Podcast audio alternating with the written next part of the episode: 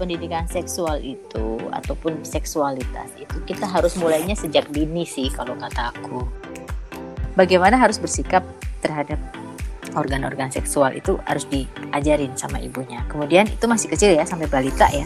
Kemudian Hmm. bagian mana yang boleh disentuh sama orang gitu. Oke kalau sama ini boleh yang boleh peluk itu siapa aja. Yang boleh cium siapa Hmm. aja. Itu harus di harus ditekankan benar-benar. Ke laki-laki Hmm. pun juga juga harus dijelaskan jangan sampai laki-laki kadang-kadang eh, begitu anaknya laki-laki merasa orang tuanya tidak perlu mengajarkan hal-hal yang berhubungan dengan perempuan. Perlakukan perempuan seperti anggap kalau seperti kamu memperlakukan bunda atau saudara perempuan kamu gitu. Bukan dijadikan Right. objek untuk misalnya berfantasi, misalnya dijadikan objek bercandaan, jangan sampai seperti itu. Mereka harus dihargai. Halo semuanya, selamat datang lagi di podcast Sehat Seutuhnya bersama saya Will Yonas. Di episode podcast kali ini kita bakal ngobrolin soal pendidikan seksual. Nah, mungkin kalau ngomongin soal ini, ini sering dianggap seperti tabu gitu untuk mendiskusikannya atau ngobrolin soal ini. Well, tapi saya percaya ini tuh bagian juga dari kesehatan yang sangat-sangat perlu diperhatikan. Kenapa? Karena kalau enggak, ini tuh bisa berdampak yang tidak baik di kemudian hari. Nah, supaya kita sehat seutuhnya seperti nama podcast kita, pendidikan seksual seksualitas ini juga sangat penting dan itu termasuk gitu ya dalam hal kesehatan. Dan mungkin buat teman-teman yang berencana untuk berkeluarga, punya keturunan, cepat atau lambat juga akan ada datang waktunya untuk mengajari anak-anak atau generasi yang lebih muda mengenai hal ini juga. Well, bersama kita sudah ada narasumber yang sebelumnya pernah berbagi di podcast Sehat Seutuhnya yang memang sudah banyak juga memiliki pengalaman dalam membicarakan pendidikan seksualitas ini. Beliau seorang lecturer atau dosen dan researcher di Universitas Respati Indonesia di Jakarta dan juga sekarang beliau banyak sekali meneliti mengenai orang tua ya di Center for Family Family Aging Study di Urindo. Jadi beliau sedang menempuh pendidikan S3 juga di Universitas Indonesia. Beliau akan berbagi lagi sama kita. Jadi tanpa menunda-nunda waktu lagi, saya mau welcome Ibu Susiana Nugraha SKM MN. Selamat pagi Bu Susiana. Pagi, Mas Willy. Apa Gimana nih kabarnya? Alhamdulillah baik. Hari kedua puasa ya? Lancar? Hari kedua puasa lancar dong. Mantap, Tetap mantap. olahraga. Waduh, olahraganya apa nih pagi ini? Eh tadi sepeda. Sepeda ya? Eh, supaya nggak terlalu haheho gitu. Betul, betul, betul. Jadi disesuaikan ya? Oh, oh bener. disesuaikan. Nah, Bu Susiana, kita hari ini bakal ngobrolin soal pendidikan seksual nih. Ya. Eh, kayaknya ini sesuatu yang jarang diobrolin. Eh, apa ya? Mungkin ada konsep itu ya tabu ya, kayak Betul, gitu ya. Mungkin kalau Ya, diobrolin. ya. Tapi semoga teman-teman ini eh, mendengarkan ini dengan pemikiran yang terbuka juga gitu ya, siap belajar untuk apa sih itu pendidikan seksual dan apa yang perlu kita tahu gitu. Nah, Ya. eh, mungkin kalau nanya terlebih dahulu gitu ya buat teman-teman yang lagi dengar podcast kalian juga, eh, pendidikan seksualitas itu apa sih? Eh, dan kira-kira apa sih yang termasuk dalam hal itu gitu, Bu? Oke. Baik. eh, Oke, jadi eh, pendidikan seksual, seksualitas seks kan ada macam-macam ya. Kalau Betul. seks itu alat kelamin. Laki-laki perempuan tuh laki-laki punya penis, perempuan punya vagina. Hmm. Kemudian kalau eh, seksual tuh seksual tuh sesuatu segala sesuatu yang berhubungan dengan seksual termasuk hormon-hormon dan lain sebagainya. Kalau seksualitas itu bagaimana seseorang eh, mengekspresikan dirinya dengan eh, eh, mengekspresikan dirinya sebagai makhluk seksual ya kan itu tiga Hmm. hal yang mesti di di di-clearkan dulu nih di awal nih Ada bedanya ya? Mm-mm, jadi ada seks seksual seksualitas kalau seks itu yang berhubungan dengan alat kelamin ya eh, Hmm. identifikasi laki-laki perempuan yang berhubungan dengan fungsi-fungsi biologis kemudian kalau seksual itu yang berhubungan dengan eh, organ-organ di dalamnya fisiologisnya bagaimana laki-laki bagaimana perempuan Hmm. Kemudian kalau seksualitas itu bagaimana seseorang mengekspresikan dirinya sebagai makhluk seksual. Nanti biasanya kalau ngomongin seksualitas itu ka- kaitannya sama gender ya. pemilihan Oke. peran mau jadi laki-laki perempuan transgender dan lain sebagainya Hmm. itu adalah ekspresi jadi cara mengekspresikan kita sebagai makhluk seksual itu adalah seksualitas nah kalau sek kenapa pendidikan seks itu penting jadi eh, jadi ini tuh ber pendidikan seksual ya ngomonginnya ya karena tidak Betul. hanya sekedar jenis kelamin kita ngomongnya pendidikan seksual Eh, memang banyak sekali di- di- dari kita yang merasa menganggap tabu ya ngomongin tentang Hmm. apa sih seks apa sih Ih, itu kan enggak ini gitu sementara Awkward di gitu ya. awkward bener dianggapnya ih apa sih gitu Hmm. nggak pantas lah diomongin gitu belum waktunya apalagi ke anak-anak kecil ah Hmm. kan belum ini sementara informasi dari luar predator-predator seks di mana-mana ya nggak sih Hmm. sekarang aduh banyak banget kemarin beberapa waktu yang lalu juga sempat ada yang dari Prancis ya kalau nggak salah yang ketangkep di Jakarta itu kan Oke. predator seks yang wow dia udah dikejar-kejar di negara mana-mana kemudian ngumpet di Jakarta dan mangsanya udah banyak banget itu kan sedih banget ya Wow. Ya, eh, termasuk belum lagi yang yang scamming scamming dari internet misalnya Yes. kayak ya macam-macam lah dengan berbagai informasi kemudian perdagangan anak Hmm. perdagangan perempuan yang di internet banyak sekali dan kadang-kadang eh, bagi anak-anak yang mungkin tidak memiliki latar belakang pemahaman yang baik mengenai seks atau seksualitas itu dianggapnya oh itu hal yang normal gitu. Kalau kita dengar berita di TV-TV kan bener ya banyak banget misalnya bapak jadi predator buat anaknya sendiri Yes. omnya, kemudian saudaranya, ya seperti itu. Nah itu karena tidak adanya pemahaman atau dianggapnya bahwa mendidik anak, eh, mendidik eh, seksualitas anak itu dianggap sebagai hal yang tabu, sehingga ya begitu deh. Ad- ad- intinya anak tidak tahu di mana batasan yang boleh, mana yang tidak boleh gitu. Hmm, betul betul.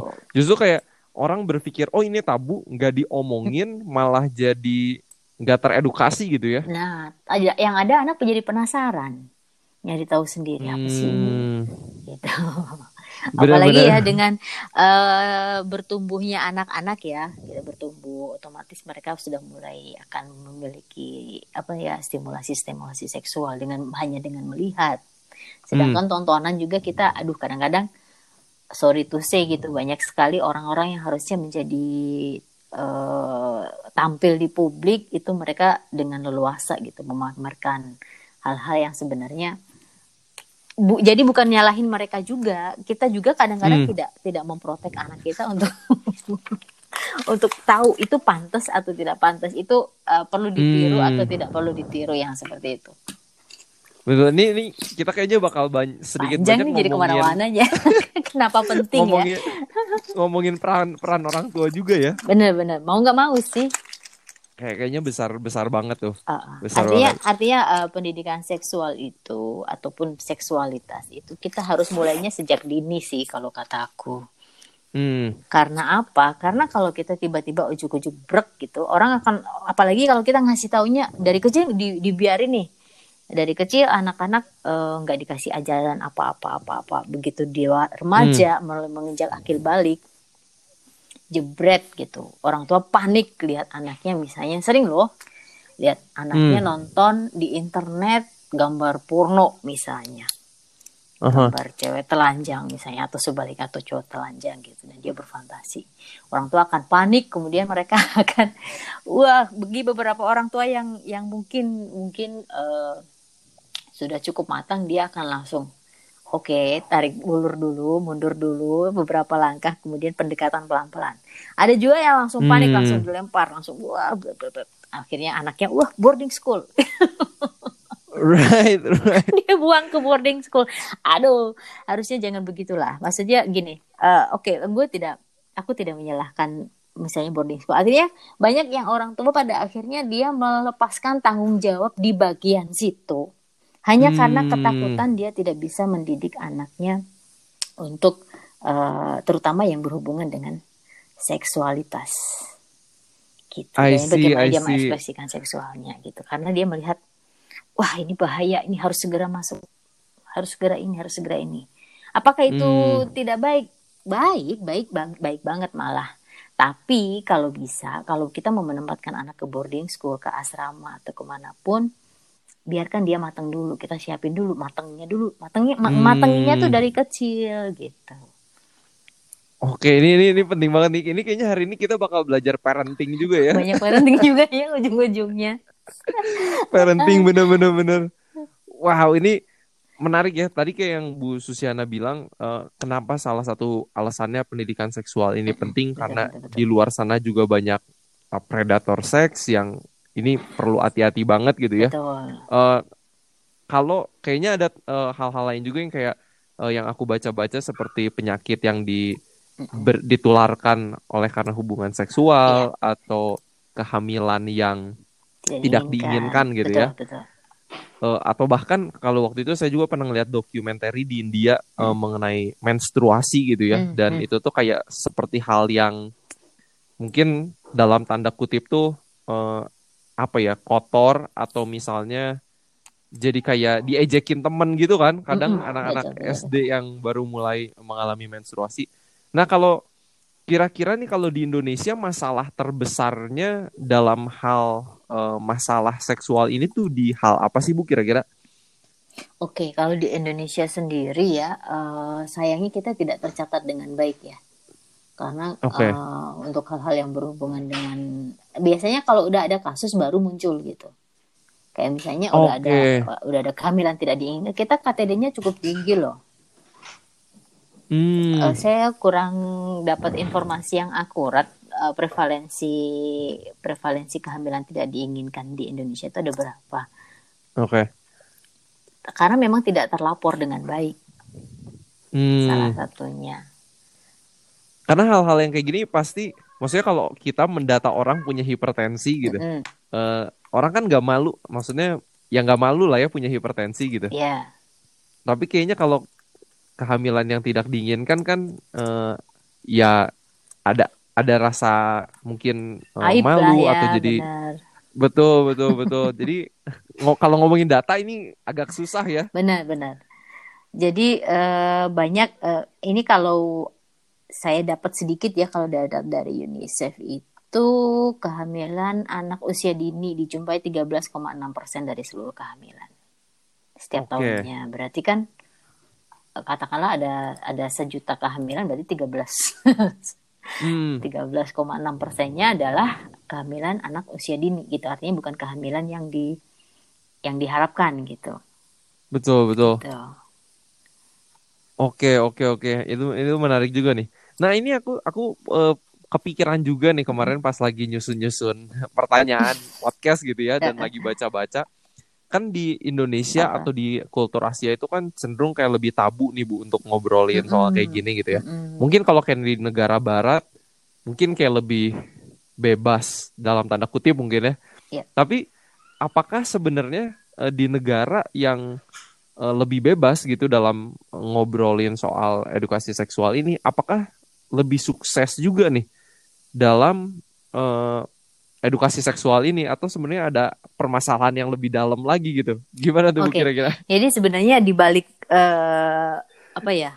Di balik semua permasalahan yang ada nanti munculnya eh, penyakit menular seksual ataupun kehamilan tidak diinginkan itu adalah resiko-resiko penyakit yang berpotensi akan dialami oleh orang-orang yang melakukan misalnya tindakan eh, seks usia dini misalnya ya. Itu kan Hmm. eh, dampak jangka panjangnya itu kan macam-macam ya. Apalagi Hmm. ketika eh, anak-anak itu dia masih masa-masa growing up. Jadi organ reproduksi itu kan kan terus bertumbuh tuh dari mulai puberti. Betul. Puberti sekarang kan cenderung maju ya karena anak-anak status gizinya makin baik. Kemudian eh, stimulasi lingkungan juga baik visual maupun yang lainnya juga lebih lebih banyak sehingga ada kecenderungan untuk eh, mereka mengalami puberti di usia yang lebih muda. Sekarang anak-anak perempuan juga 10 tahun. Kalau Hmm. nutrisinya bagus dia sudah bisa mulai menstruasi gitu. Artinya mereka sudah mulai eh, secara seksual mereka sudah mulai bertumbuh tuh. Ya Hmm. kan untuk mengarah ke dewasa. Namun apakah dia sudah matur? Belum tentu karena eh, kematangan seseorang itu kan tidak hanya dari fisik, dari seksualitas, kemudian dari tubuh yang Betul. bongsor, namun juga kematangan psikologis juga perlu gitu. Nah, kemudian dia akan Hmm. bertumbuh terus sampai dia mencapai puncak kematangannya udah mateng, udah siap. Itu dia di usia-usia 20, 21 itu udah mulai udah mulai stabil, udah mulai berhenti. Gitu. Jadi puncak-puncaknya tuh di Hmm. 15 sampai 18 gitu. Nah, kalau bisa di usia-usia segitu ya memang sebaiknya eh biarkan dia bertumbuh dengan baik gitu. Jangan melakukan perbuatan-perbuatan atau hal-hal yang bisa eh apa ya menstimulasi atau me- me- apalagi misalnya melakukan seks usia dini aja deh pokoknya seks usia dini Hmm. mungkin pada saat melakukan itu seperti hal yang sangat simpel gitu kepuasan sesaat oke habis itu udah gitu tidak Hmm. artinya ketika dia eh, organ organ organ organ seksual masih bertumbuh di situ kemudian dia otomatis mau tidak mau kalau orang melakukan seks kan ada lesi ada apa dan lain sebagainya. Ya sebaiknya jangan dulu lah gitu. Biarkan Hmm. mateng dulu gitu. Anak apalagi kalau sampai nanti terjadi eh kehamilan ya. Kehamilan. Apakah tadi ditanyakan apakah di negara-negara maju yang mereka lebih terbuka ngomongin seksualitas eh, lebih baik? Enggak juga sebenarnya. Mereka minimal mereka melakukan bukan berarti kita mau meniru mereka ya. Minimal yang ditanamkan adalah melakukan atau eh, bertanggung jawab terhadap seksualitas yang dimiliki. Gitu. Jadi cara mengekspresikan eh, diri sebagai makhluk seksual itu diharapkan kita menjadi lebih bertanggung jawab. Artinya gini Oh. eh, bertanggung jawab itu oke kalau kita melakukan ini akan ada potensi ABCD. Nah, potensi ABCD inilah yang sebenarnya menjadi tanggung jawab orang tua ketika dia melakukan pendidikan ke anak yang harus ditanamkan sejak dini. Gitu. Hmm. Pernah nggak dengar beberapa hari yang lalu ada anak umur 14 tahun dia mengalami seks edik. Dia sampai berhubungan seksual dengan 25 laki-laki. Yang Wow. berbeda tanpa imbalan.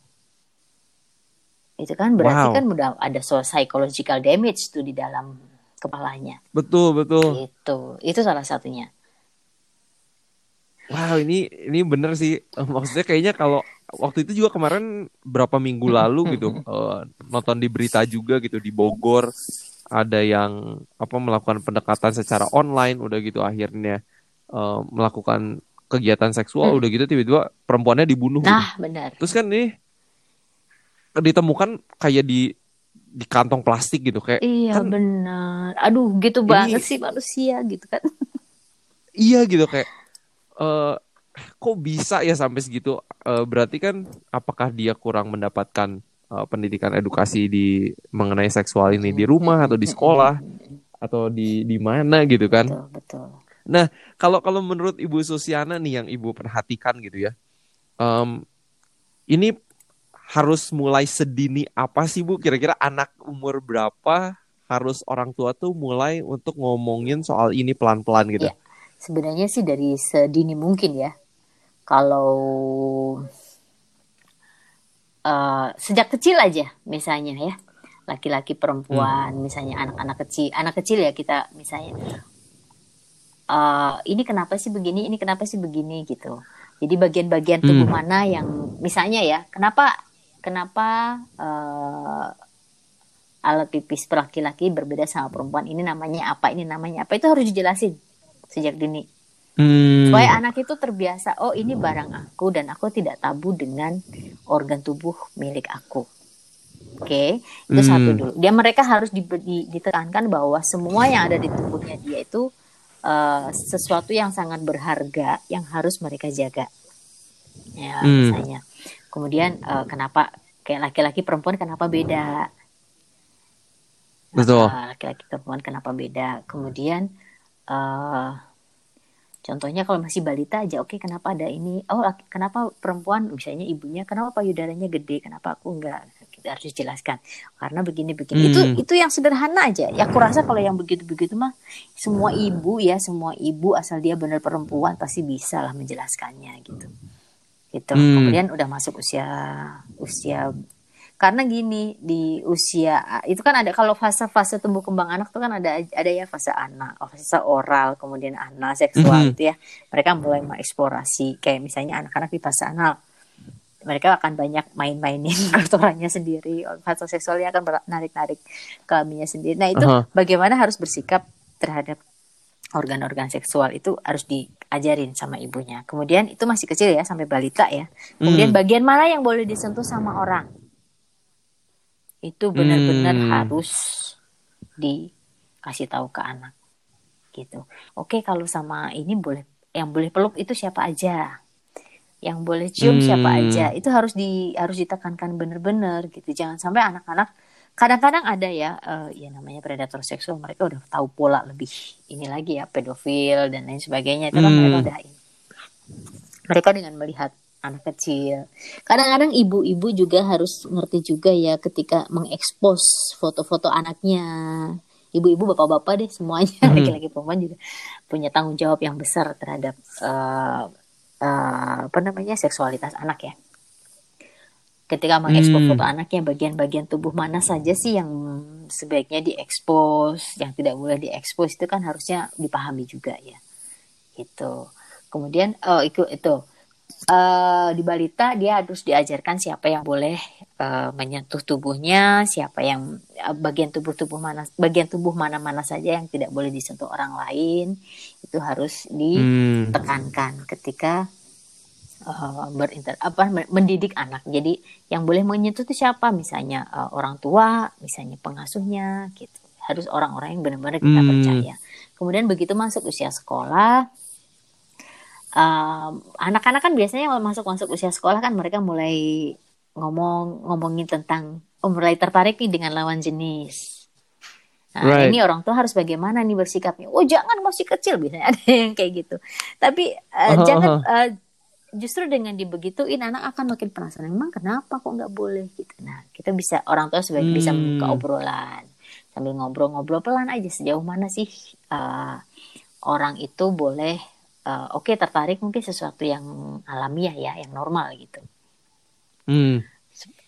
tapi usahakan si anak ini tetap ngobrol dengan orang tuanya mesti dia tertarik. Oke okay, nanti ngapain aja? Nanti apa? Nanti apa aja? Banyak sekali loh kalau dilihat di kalau dilihat di IG IG di Instagram di mana. Anak-anak SD udah ayah bunda ayah bundaan tau gak sih Jiji? Aduh iya yes. ya sih? Ada yang di, aduh ciuman di, di meskipun cium pipis sih tapi tetap aja gitu. Apakah uh, -huh. itu sudah waktunya dilakukan? Kan sebenarnya itu menjadi Nah, right. Jadi mikir ini ke mana aja orang tuanya gitu. Right, gitu. betul betul betul. Uh, uh, termasuk uh, nanti ya ketika anak-anak usia sekolah kita mesti mengajarkan bagaimana kalau dia ada orang asing yang ingin menyentuh tubuhnya meskipun kadang cuma merangkul. Hmm. Awal-awalnya mungkin merangkul, tapi lama-lama akan menyentuh bagian yang lain gitu. Tuh. Right. Uh, termasuk juga itu mm, itu itu orang yang itu mm, penting. Sorry Gimana gimana? Ditekankan lagi bahwa orang asing itu adalah orang di luar ayah, ibu, dan pengasuh gitu. Artinya kalau ada orang lain meskipun hmm. dia statusnya sebagai orang yang dia sukai kemudian menyentuh bagian-bagian tubuh dia, ya itu harus dikatakan itu jangan gitu. Right, betul. Bahkan termasuk um, ya kita nggak sedikit juga ngelihat di berita gitu kasus yang dari om sendiri, tante sendiri yang melakukan mungkin kekerasan yeah. seksual atau apa kan. Jadi uh, dan aku inget sih uh, waktu itu aku lagi intern di Amerika dan kebetulan di kantor itu bahkan sampai kita tuh dikasih kelas itu untuk self defense. Um, self defense terutama uh, perempuan uh, karena waktu itu di uh, perusahaannya banyak emang mayoritasnya yeah. perempuan itu ada training khusus gimana yang apa yang harus dilakukan kalau sampai ada yang uh, melakukan modus seksual. Dan aku pas uh, semua kan wajib ikut gitu kan. Jadi aku ikut di situ dan aku rasa kayak wow ini Keren, ya? ini kayaknya teknik-teknik self defense bagus bener, deh gitu kan.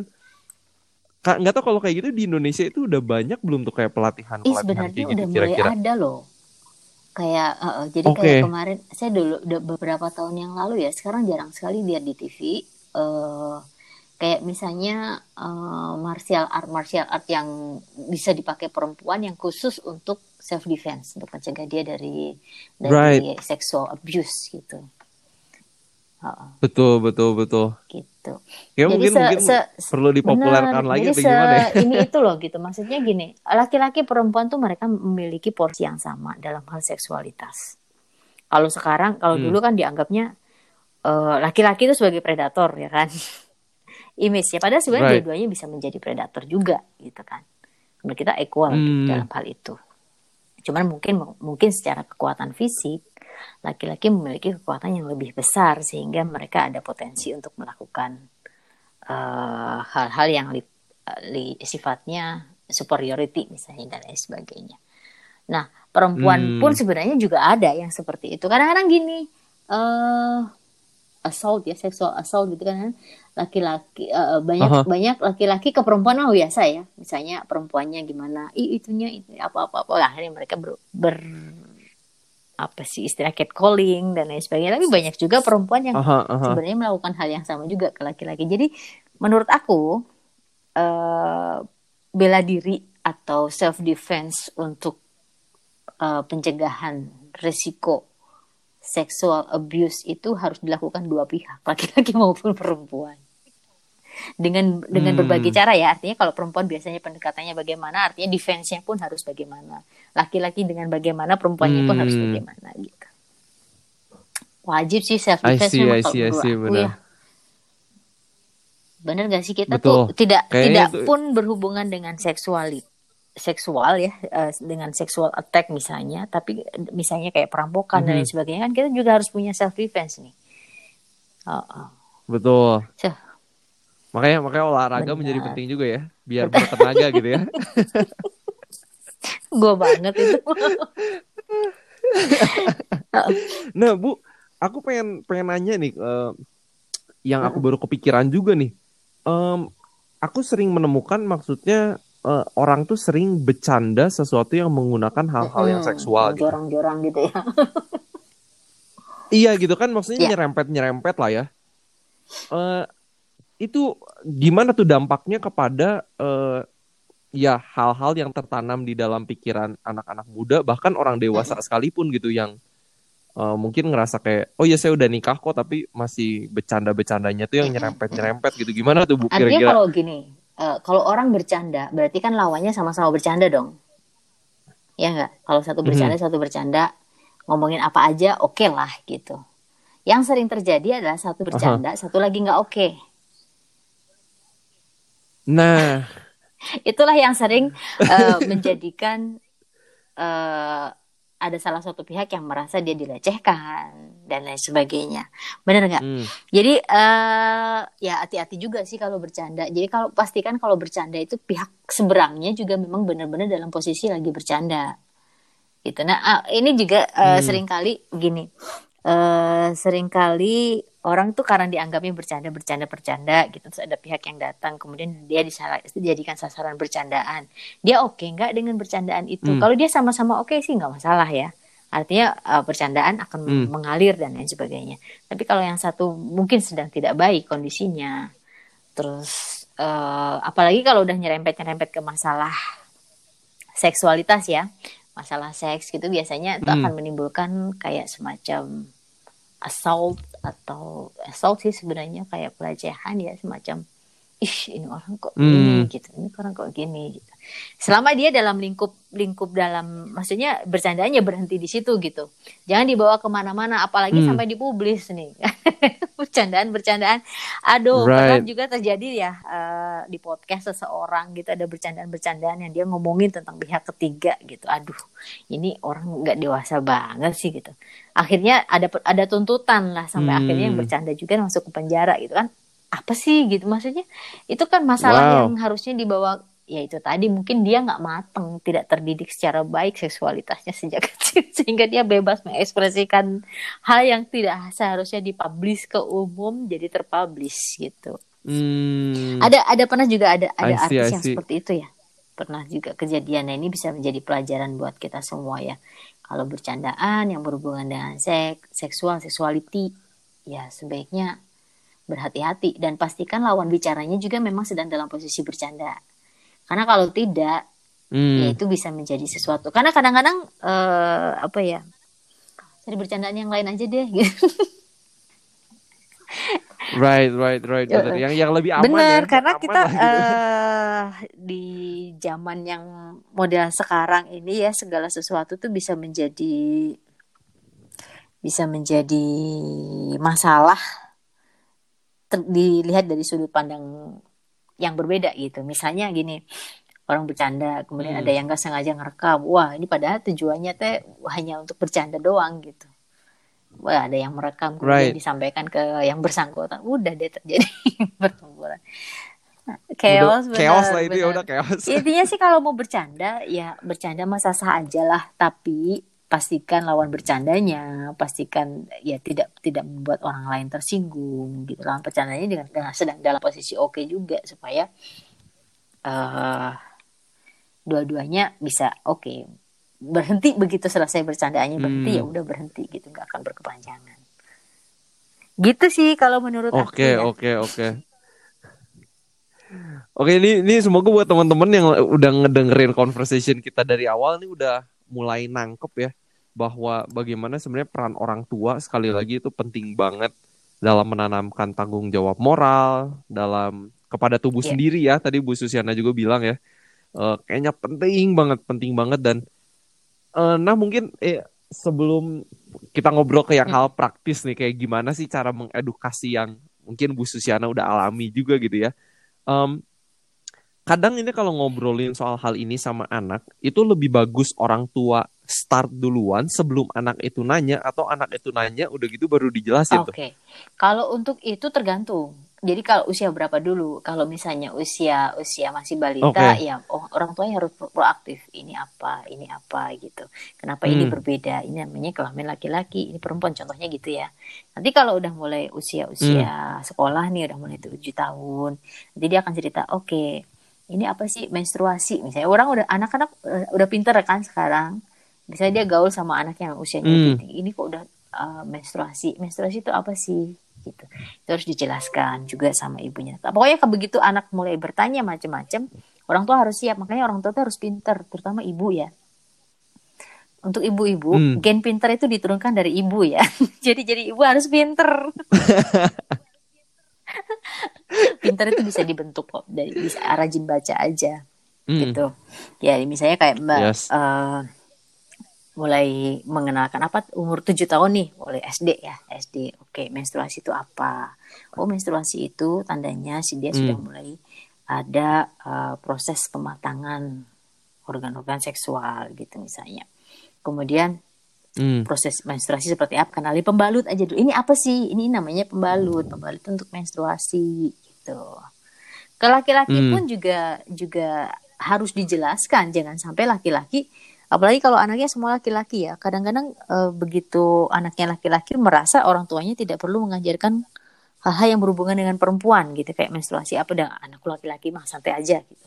Tidak tetap harus dijelaskan bahwa Right, laki-laki betul, betul. itu harus mengetahui proses pertumbuhan pada perempuan itu seperti apa sih gitu. Kayak misalnya ada oh perempuan itu mengalami uh, proses Hmm. alami yang namanya menstruasi sehingga orang yang menstruasi itu akan mengalami begini begini begini. Karena toh dia nanti kan juga akan menikah misalnya akan punya pasangan. Hmm. kemudian kemudian akan ada juga kayak misalnya anak laki-laki yang dia mulai ereksi kalau pagi. Benar kenapa burung aku bangun? misalnya kalau pagi. Ya oh itu berarti begini begini begini gitu. Kemudian uh, Benar, misalnya benar, benar. itu nanti mulai itu itu harus harus ini ya harus di harus dijelaskan ya ke anak-anak karena dia supaya mm-mm, benar Proaktif ya. proaktif gitu kadang-kadang uh, anak-anak laki-laki oh dia mulai mulai misalnya ereksi ketika melihat merasakan mencium memikirkan sesuatu yang oh gitu nah itu pikiran itu kan bisa datang kapan aja Mhm. nih ya uh. tidak harus Betul. menunggu dia harus dia harus ya, istilahnya kalau laki-laki ditandai sama mimpi basah ya keluar sperma ejakulasi ya Mhm. jadi eh, begitu dia masuk puberti ya udah dijelasin gitu bahwa ada proses seperti ini seperti ini seperti ini memang di sekolah pasti semua anak sekarang mau diajarkan ya mengenai eh, seks dan seksualitas semuanya diajarkan namun kadang-kadang Right. eh,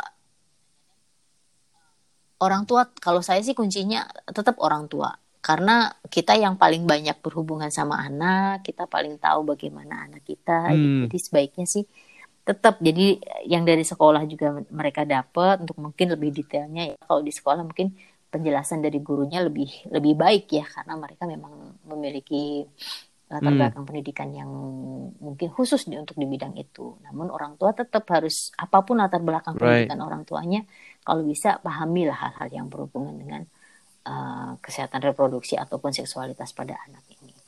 Kemudian uh, kalau bisa ya ada gambar-gambar bagaimana sih uh, ini organ apa, ini bagian bagian ini apa, ini apa, ini apa. Itu sebaiknya dis- disampaikan juga. Kemudian uh, nanti kalau anak-anak udah mulai masa remaja nih yang perempuan, mereka harus diajarkan bagaimana mereka menjaga tubuhnya, apa yang akan terjadi ketika mereka mengalami Hmm. menstruasi. Kan kadang ada ada ya perempuan macam-macam ya. Ada yang dia sakit banget ketika menstruasi, ada yang mengalami Betul. gangguan A B C D E. Itu harus disampaikan Hmm. gitu. Jadi di, dipersiapkan lah ya Betul. sebelum Jadi menghadapi semuanya sih di gitu ya. rumah sih pusatnya. Bener gak sih? Betul betul. Soalnya aku inget pas SMA aja, maksudnya bab di kelas biologi mengenai reproduksi itu kan kayak Iya. cuman satu bab gitu. Mungkin kayak itu cuman misalnya let's say 3-4 minggu gitu bahas Udah, itu di sekolah udah gitu kan nggak pernah lagi gitu kan. eh, exposure seksualitas, exposure, exposure, exposure lingkungan yang lain-lainnya yang bisa memicu apa namanya memicu atau merubah pa- cara pandang anak terhadap seksualitas itu kan macam-macam. Saking banyaknya, banyak sekali gitu. Buka Betul. nonton TV aja kadang wah langsung banyak macam-macam informasi yang kadang-kadang anak hanya melihat doang menarik nah, oke gitu apalagi di usia-usia yang lagi growing up gitu ya usia-usia SMP SMA ya Hmm. Harus di ini ya, harus dipantau juga gitu ya. Betul. Nah ini pengen nanya nih dari mungkin dari pengalaman Ibu Susiana sendiri nih ya. Eh, kan Ibu Susiana kebetulan yang saya tahu nih punya ada anak laki-laki perempuan, jadi kayaknya lengkap ya. Eh, ini ada approach yang berbeda nggak sih dalam eh, kasih edukasi mengenai ada ini gitu? pastinya Heeh. jadi eh, laki-laki perempuan kebetulan anak saya umurnya sama karena kembar sehingga eh, masanya Hmm. pun hampir sama ya sama lah pasti laki-laki perempuan mungkin memang perempuan lebih cepat dia pubertinya gitu kalau saya sih selalu Hmm. ada momen di mana saya akan masuk ke kamar anak saya satu-satu kemudian ngobrol. Ngobrolnya bisa macem-macem. Kemudian saya sangat deket banget deket banget ya sama anak-anak. Jadi ngobrol Hmm, jadi udah kayak that's teman important. aja misalnya. Ngobrolin apa ngobrolin apa. Memang awalnya tuh ngobrol ngobrol-ngobrol isu yang biasa gitu. Habis itu mereka bisa curhat kayak misalnya ada yang suka oh ada si ini ada ini ada ini ini ini. Tapi ini begini begini begini. Nah itu itu eh termasuk gini mengajarkan bagaimana anak bersikap nih terhadap lawan jenis ketika mereka mulai melakukan approach. Batasan-batasan itu juga penting harus Hmm. diobrolin antara orang tua dengan anak. Nah kalau mereka Hmm. sudah merasa enough kok dari rumah jadi eh, udah merasa cukup lah untuk kasih sayang, kemudian untuk informasi-informasi. Oh, kalau ini begini nanti akan dampaknya begini. Ya, termasuk saya mengajarkan eh, Hmm. apa namanya seksualitas pun bermacam-macam ya. Kebetulan saya dulu di bidang di eh, penanggulangan HIV/AIDS untuk kelompok populasi kunci. Jadi saya tahu Hmm. me- me- mengekspos anak-anak saya misalnya mengen- ke transgender, kemudian LGBT. Jadi mereka tak biar tahu gitu. Oh ini anak ini nih transgender tuh begini. Mereka tuh saling men- Hmm. men- apa namanya? Mereka laki-laki yang berpenampilan perempuan begini begini begini. Jadi oh anak-anak terbuka. Oh kenapa dia memilih begitu? Gitu. Pasti dia akan nanya. Kenapa dia laki-laki tapi wajahnya Hmm. begitu? Karena dia memilih untuk berpenampilan begini begini begini. Itu namanya ekspresi. Itu namanya apa? uh, Hmm. ya gender ya. Orang memilih gender untuk mengekspresikan bagaimana dia mengekspresikan dirinya sebagai makhluk, makhluk seksual itu. Jadi termasuk itu. Terus kemudian karena, Hmm. eh, dia tahu saya banyak ke tempat-tempat lokalisasi ya untuk melakukan edukasi ke kelompok risiko tinggi PSK misalnya. Bunda ngapain orang Mhm. eh, menjual waktu itu mereka masih SD ya. kenapa ngapain orang orang ke tempat itu untuk membeli apa gitu. Nah, itu seperti itu. Jadi ada dia dia tahu bahwa di dunia ini tuh ada Hmm. orang yang harus menjual seks. Ada juga orang yang harus membeli seks itu. Ada ada orang Hmm. yang eh, dia berekspresi bahwa eh, berekspresi misalnya laki-laki berpenampilan perempuan. Ada laki-laki. Nah, itu mereka hanya cukup oke tahu tetap pi- pilihan kan mereka akan jatuh di tangan mereka sendiri ya bahwa ini tuh resikonya akan begini begini begini Betul. orang kalau kalau memilih begini dia akan ber- Hmm. beresiko begini Ah, kalau memilih ini beresikonya ini Nah, jadi semuanya Hmm. mereka sudah di- dijelaskan ya makanya begitu dewasa saya cukup senang Hmm. sih karena mereka di usia SMA yang sekarang mereka cukup matur ya bagaimana ketika dia melihat misalnya Hmm. eh, temennya yang kemudian eh, biasanya kalau anak-anak remaja kan ada ada kan obrolan-obrolan misalnya berfantasi tentang sosok laki-laki anak-anak laki-laki ya.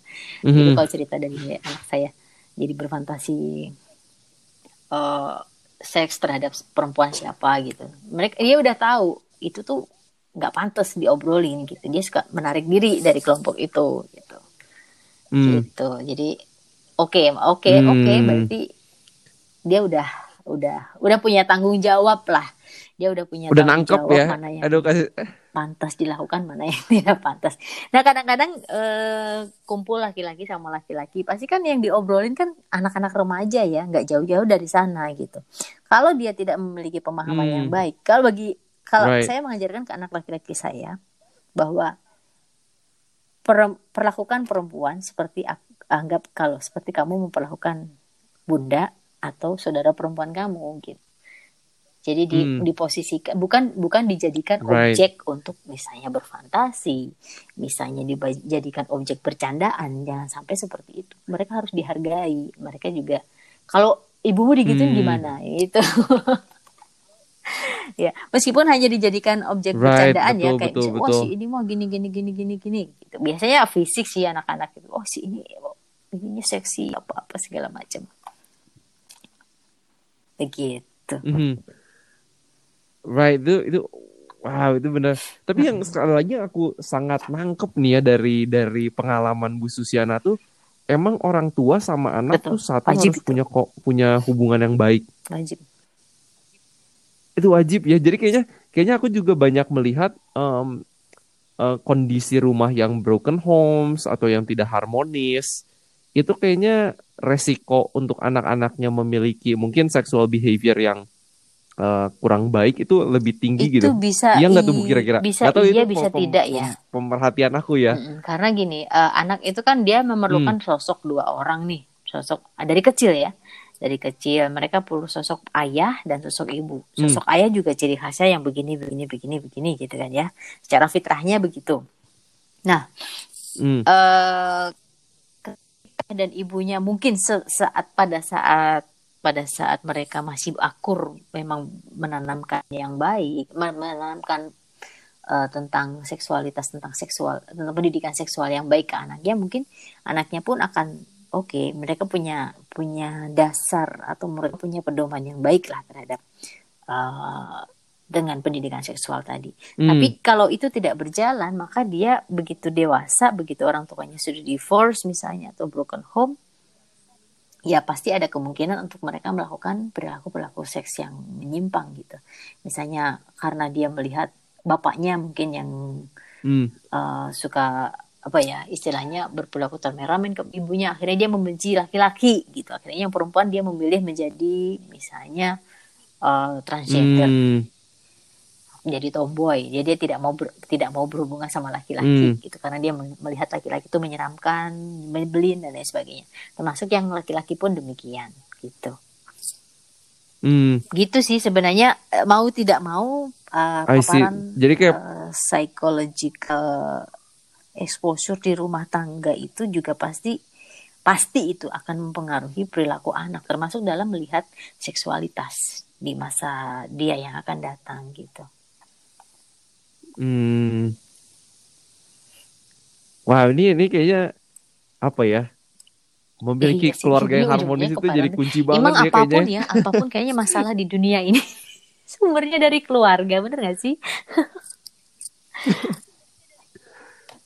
Hmm, karena kayaknya kalau keluarganya eh, baik, eh, dapat edukasinya Dia baik, secara dampak pasti anak matang kepada kan. komunitas juga Yang kan. laki-laki juga dia akan berperan bagaimana laki-laki karena dia melihat sosok Hmm. ayah di rumah. Oke, ayah itu perannya begini, begini, begini. Pasti anak laki-laki kan, Hmm, oh kayak misalnya anak saya aja, dia melihat bapaknya, "Oh, ayah tuh keren, ayah tuh gini, gini, gini, gini. Gitu. Pasti dia akan dia akan tergerak hatinya. Oke, kalau untuk menjadi laki-laki itu harus begini, begini, begini. Bekerja keras dan lain sebagainya. Kalau saya sih jarang ya ngomong, ayo Hmm. belajar, ayo ini enggak. Saya jarang banget seperti itu.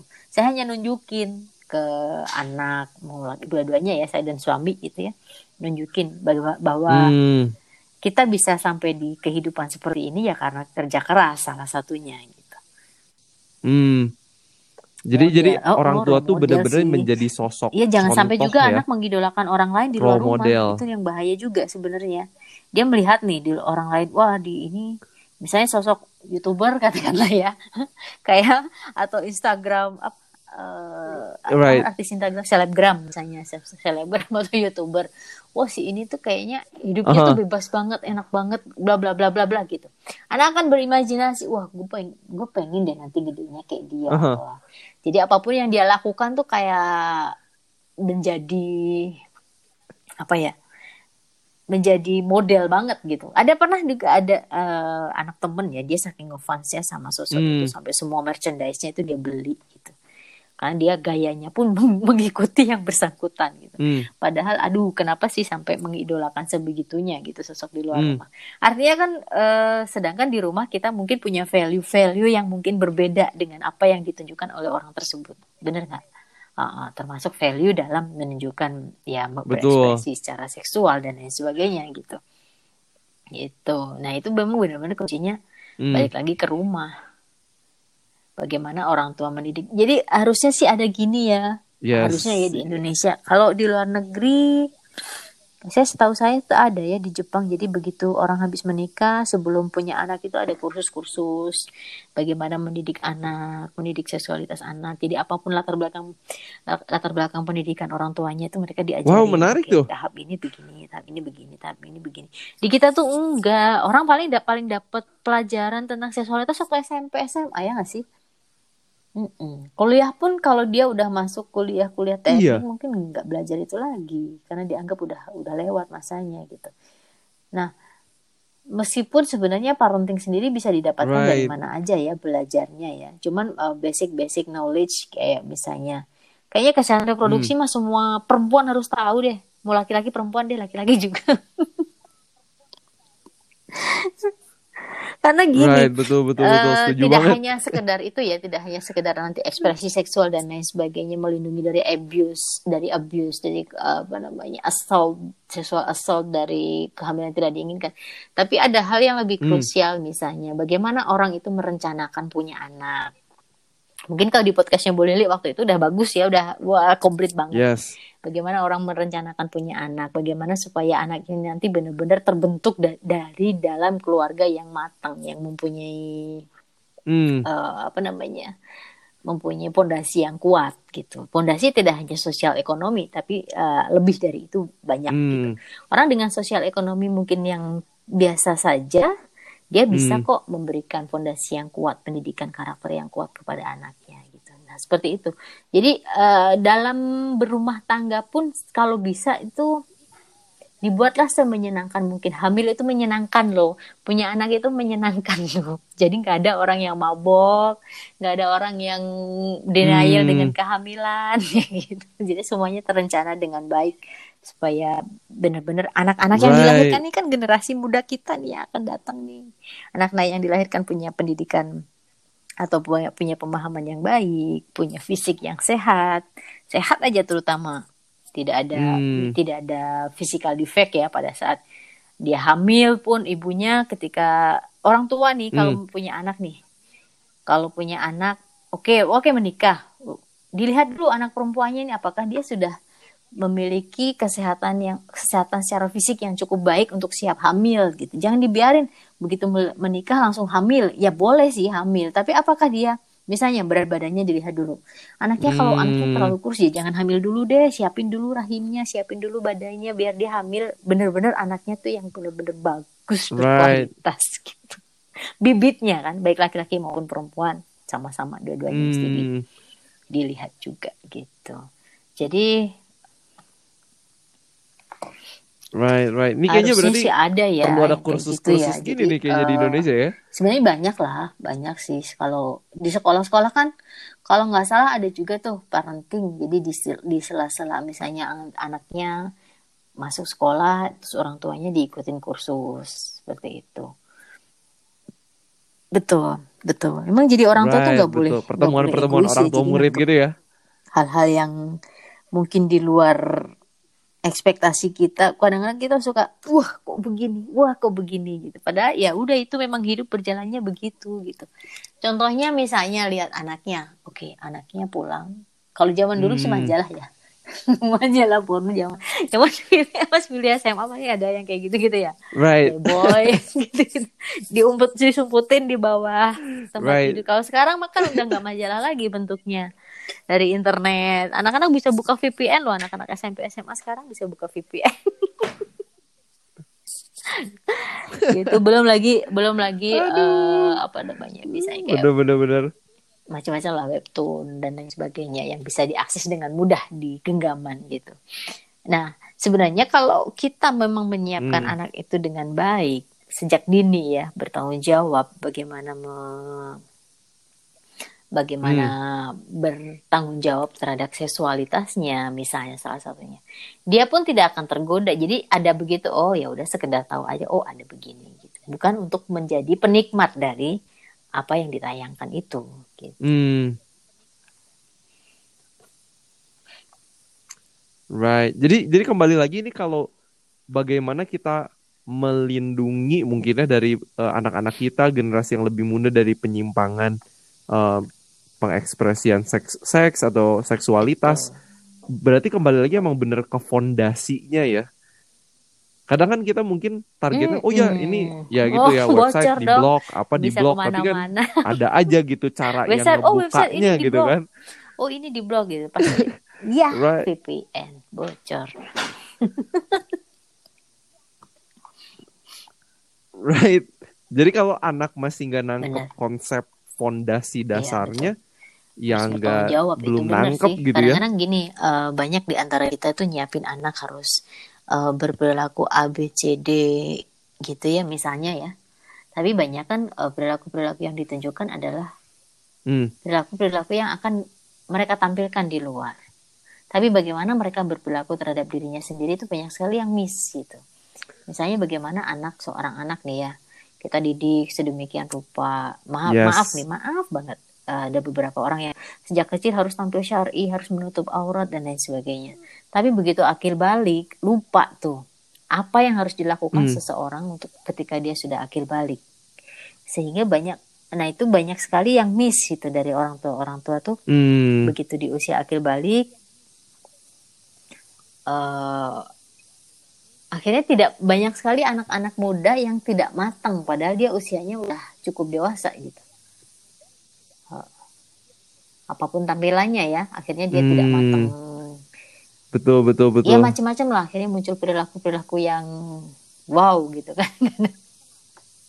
banyak lah banyak contoh-contoh yang kita bisa bisa bisa akses Betul, betul, betul. di internet ya dari kecil oh di- dia wah pinter banget di, di didik juara dan lain sebagainya gitu tapi begitu dia eh, sudah waktunya akil kalau akil balik itu kalau di Islam itu kan menjadi batas seseorang menjadi bertanggung jawab terhadap dirinya sendiri maupun orang-orang di sekitarnya artinya dia harus berperilaku bertanggung jawab baik secara moral maupun Hmm. sosial gitu ya itu kadang-kadang sering tidak sering luput gitu sering luput di situ Hmm.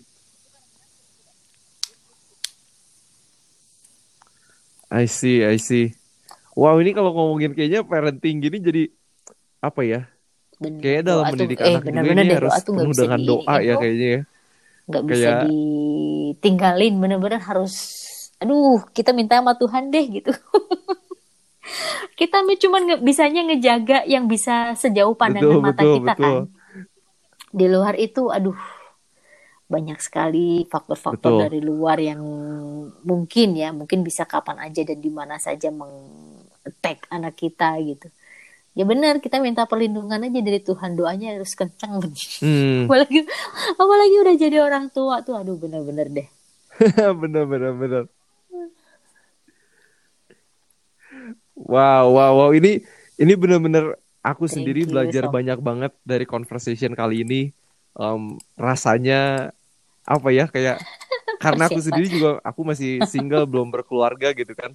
Kayaknya ini bener-bener pembelajaran buat aku sendiri gitu jadi wow belajar banyak banget ini kira-kira dari Bu Susiana ada tips-tips okay. terakhir nggak nih yang okay. Bu Susiana Intinya pengen sih dari sampaikan ke para pendengar podcast ini kalian tanggung jawab jadi apa pun yang kita lakukan, apa pun apa pun bentuk ekspresi yang kita akan hmm. berikan hmm. terhadap uh, yang akan kita lakukan atas hak seksual yang kita miliki sebagai manusia sebagai makhluk seksual itu adalah tanggung jawab dan harus tahu konsekuensi-konsekuensi ketika kita melakukan hmm. A konsekuensinya akan B ketika B, B akan C dan lain sebagainya Nah, itu uh, inti dari semuanya adalah kita mesti bertanggung jawab. Nah, tanggung jawab ini tidak hanya melulu pada yang bersangkutan, tapi juga tanggung jawab kita ke depannya.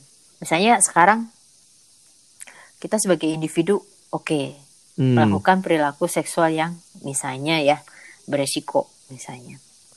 Kemudian akan muncul nih. Sekarang mungkin tidak terjadi apa-apa, tapi mungkin 10-20 tahun yang akan datang, entah dalam bentuk kanker atau penyakit-penyakit lainnya. Nah, itu adalah bentuk tanggung jawab yang harus kita uh, pikirkan dari sekarang sebelum melakukan hal-hal yang beresiko. Itu satu. Kemudian yang kedua adalah ya apa pun itu fungsi, kuncinya dari rumah sih, berangkatnya dari rumah.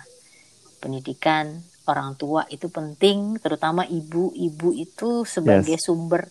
Artinya ibu itu tidak hanya sebagai ber, uh, berperan sebagai ibu ya. Ibu kalau orang image-nya ngomongin ibu itu ya ibu rumah tangga yang masak, yang beres-beres rumah bukan. Peran ibu tuh bukan hanya itu, tapi ibu tuh selain hmm. tadi sumber penghidupan dari anak, sumber kehidupan dari anak. Jadi seorang ibu harus sehat. Sebelum dia hamil dia harus benar-benar menyiapkan dirinya untuk menjadi seorang yang siap hamil secara fisik, secara mental dia harus siap agar dia memiliki right. anak yang melahirkan yang yang dilahirkan dengan kondisi fisik dan mental yang cukup baik, yang baik. Kemudian setelah uh, melahirkan seorang hmm. ibu punya tanggung jawab untuk mendidik tidak hanya mendidik tentang nilai-nilai agama, nilai-nilai sosial dan lain sebagainya, termasuk di dalamnya adalah tentang seksualitas dan tentang seksual hmm. ini.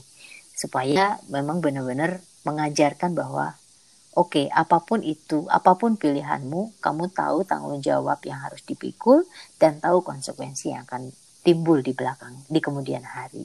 Itu harus benar-benar ditekankan ke anak gitu. Termasuk batasan-batasan ketika anaknya masih balita hmm. ya batasan-batasan apa sih yang boleh dilakukan seorang anak bagian-bagian mana sih yang boleh diekspos bagian-bagian mana yang boleh disentuh itu memang hmm. benar-benar harus disampaikan karena predator seksual, kemudian apa pun itu banyak di luar sana yang siap-siap mereka mencari celah untuk uh, mengambil apa yang seharusnya bukan menjadi milik mereka. Gitu mungkin. Hmm. Wow, ini saya saya saya sendiri banyak belajar. Semoga teman-teman podcast kalian ini banyak belajar ini kayaknya itu oh, oh, ya, baru belum mendalam ya conversation mengenai pendidikan seksual nih kayaknya. iya iya benar-benar. Karena kan spesifiknya bisa mm -mm. ngomong apa? Open sexual transmitted disease dan lain-lain. Jadi nanti kalau diundang boleh, boleh. Uh, bila berkenan pengen lagi mengundang Ibu Susiana ya. Saya punya satu, saya kan konselor HIV AIDS juga. Saya punya satu uh, pasien ya, bukan hmm. pasien hmm. sih. Jadi dia anak remaja. Jadi ngomong lagi nggak apa-apa nih. Tadi potong-potong aja deh. Dipotong-potong dipindahin. Uh, gak apa-apa, gak apa-apa. Ini pengalaman dulu. Uh, mudah-mudahan ini bisa nyampe juga ke teman-teman yang mendengarkan podcast ini. Jadi dia remaja, kemudian dia dengan TBC. kelas 2 SMA.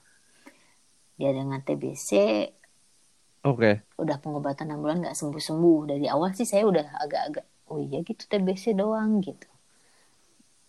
Secara secara lingkungan dia bukan Hmm. anak orang yang tidak mampu yang mungkin memiliki resiko tinggi terkena TBC gitu. Dia orang mampu, orang berada gitu. Rumahnya juga bersih, lega gitu. Terus Hmm. Eh, akhirnya diminta saya untuk konseling. Setelah dikonseling ngobrol-ngobrol-ngobrol-ngobrol, ternyata dia memang ada riwayat sudah melakukan free sex itu sejak kelas 2 SMP. Bergonta-ganti pasangan itu pertamanya dengan pacarnya dia. Dengan pacarnya oke habis habis dengan pacarnya kemudian dia Hmm. uh, putus sempat diancam-ancam sama pacarnya jangan putus jangan putus gitu. Tapi karena pacarnya si cowoknya ini dia agak agak temperamental dan dia merasa tertekan akhirnya ceweknya milih putus. Kemudian ya udah ganti lagi. Ganti pacar lagi dia sama lagi melakukan hal yang sama begitu terus. Hmm. gonta ganti pasangan sampai itu pacaran loh ya bukan jual seks loh ya. Beda dengan kalau orang jual seks kan memang untuk untuk mencari nafkah ini hanya berpacaran tapi setiap Wow. pacaran dia pasti melakukan hubungan seksual dengan pacar Aha. sampai akhirnya itu ketika dia kelas 2 SMA dan mengalami sakit itu ternyata HIV positif gitu HIV positif memang CD4-nya CD4 itu Wow. marker ya eh, dari sel limfosit T dia marker yang menunjukkan sejauh mana daya tahan tubuh mengalami kerusakan CD4-nya itu kalau nggak salah tinggal 20 dengan eh, infeksi oportunistik TBC gitu. Jadi obat 6 bulan obat obat anti TB selama 6 bulan tuh nggak mempan dia makin memang ujung-ujungnya sih meninggal dia. Nah, pada akhirnya panik lah si Hmm. pacar-pacarnya ini yang jumlahnya Wow. ada sekian banyak orang. Tahu cewek yang positif Oh, oh, benar. Jadi untuk Right. cewek-cewek ya kalau Karena ada mungkin udah yang nular ngajakin gitu kan. lu untuk melakukan hubungan seksual, lu mesti mikir kalau sama lu aja mau berarti sama cewek lain juga mau. Dan si cewek ini dia dapat juga dari cowoknya. Entah cowok yang mana gitu. Yang cowoknya ini sebelumnya juga udah pernah berhubungan sama cewek yang lain Nah. juga gitu. Jadi kayak ini kalau di kalau di Covid sekarang kan orang transmisi transmisi kan lewat droplet ya. Ini mah beda lagi transmisinya. Jadi kalau di, dibuat jejaring gitu ya, Right. jejaring tracing itu juga bisa dapet itu berapa orang gitu di lingkungan gitu. Hmm. Kayak gunung es aja yang muncul mungkin satu, tapi di bawahnya mungkin akan banyak sekali. Itu dalam kasus anak sekolah itu padahal. Itu pun bukan di kota besar Hmm. seperti Jakarta Bandung. Saya yakin Jakarta Bandung, Bandung terutama ya, bisa lebih parah lagi. itu di kota kecil, di kota kecil di Kalimantan Timur Hmm. kota kabupaten gitu saya dulu bekerjanya di sana Wow. Wow, ini ini cerita-cerita kayak gini saya saya sangat-sangat berharap semoga Iya. membuka wawasan kita Mm-mm. buat kita lebih berpikir berpikir jangka panjang dan ini ditunggu ya teman-teman ini episode episode selanjutnya mengenai ini kayaknya ini baru serian pertama aja. Jadi Amin. seperti biasa harapan kita semoga kita sehat seutuhnya. thank you ya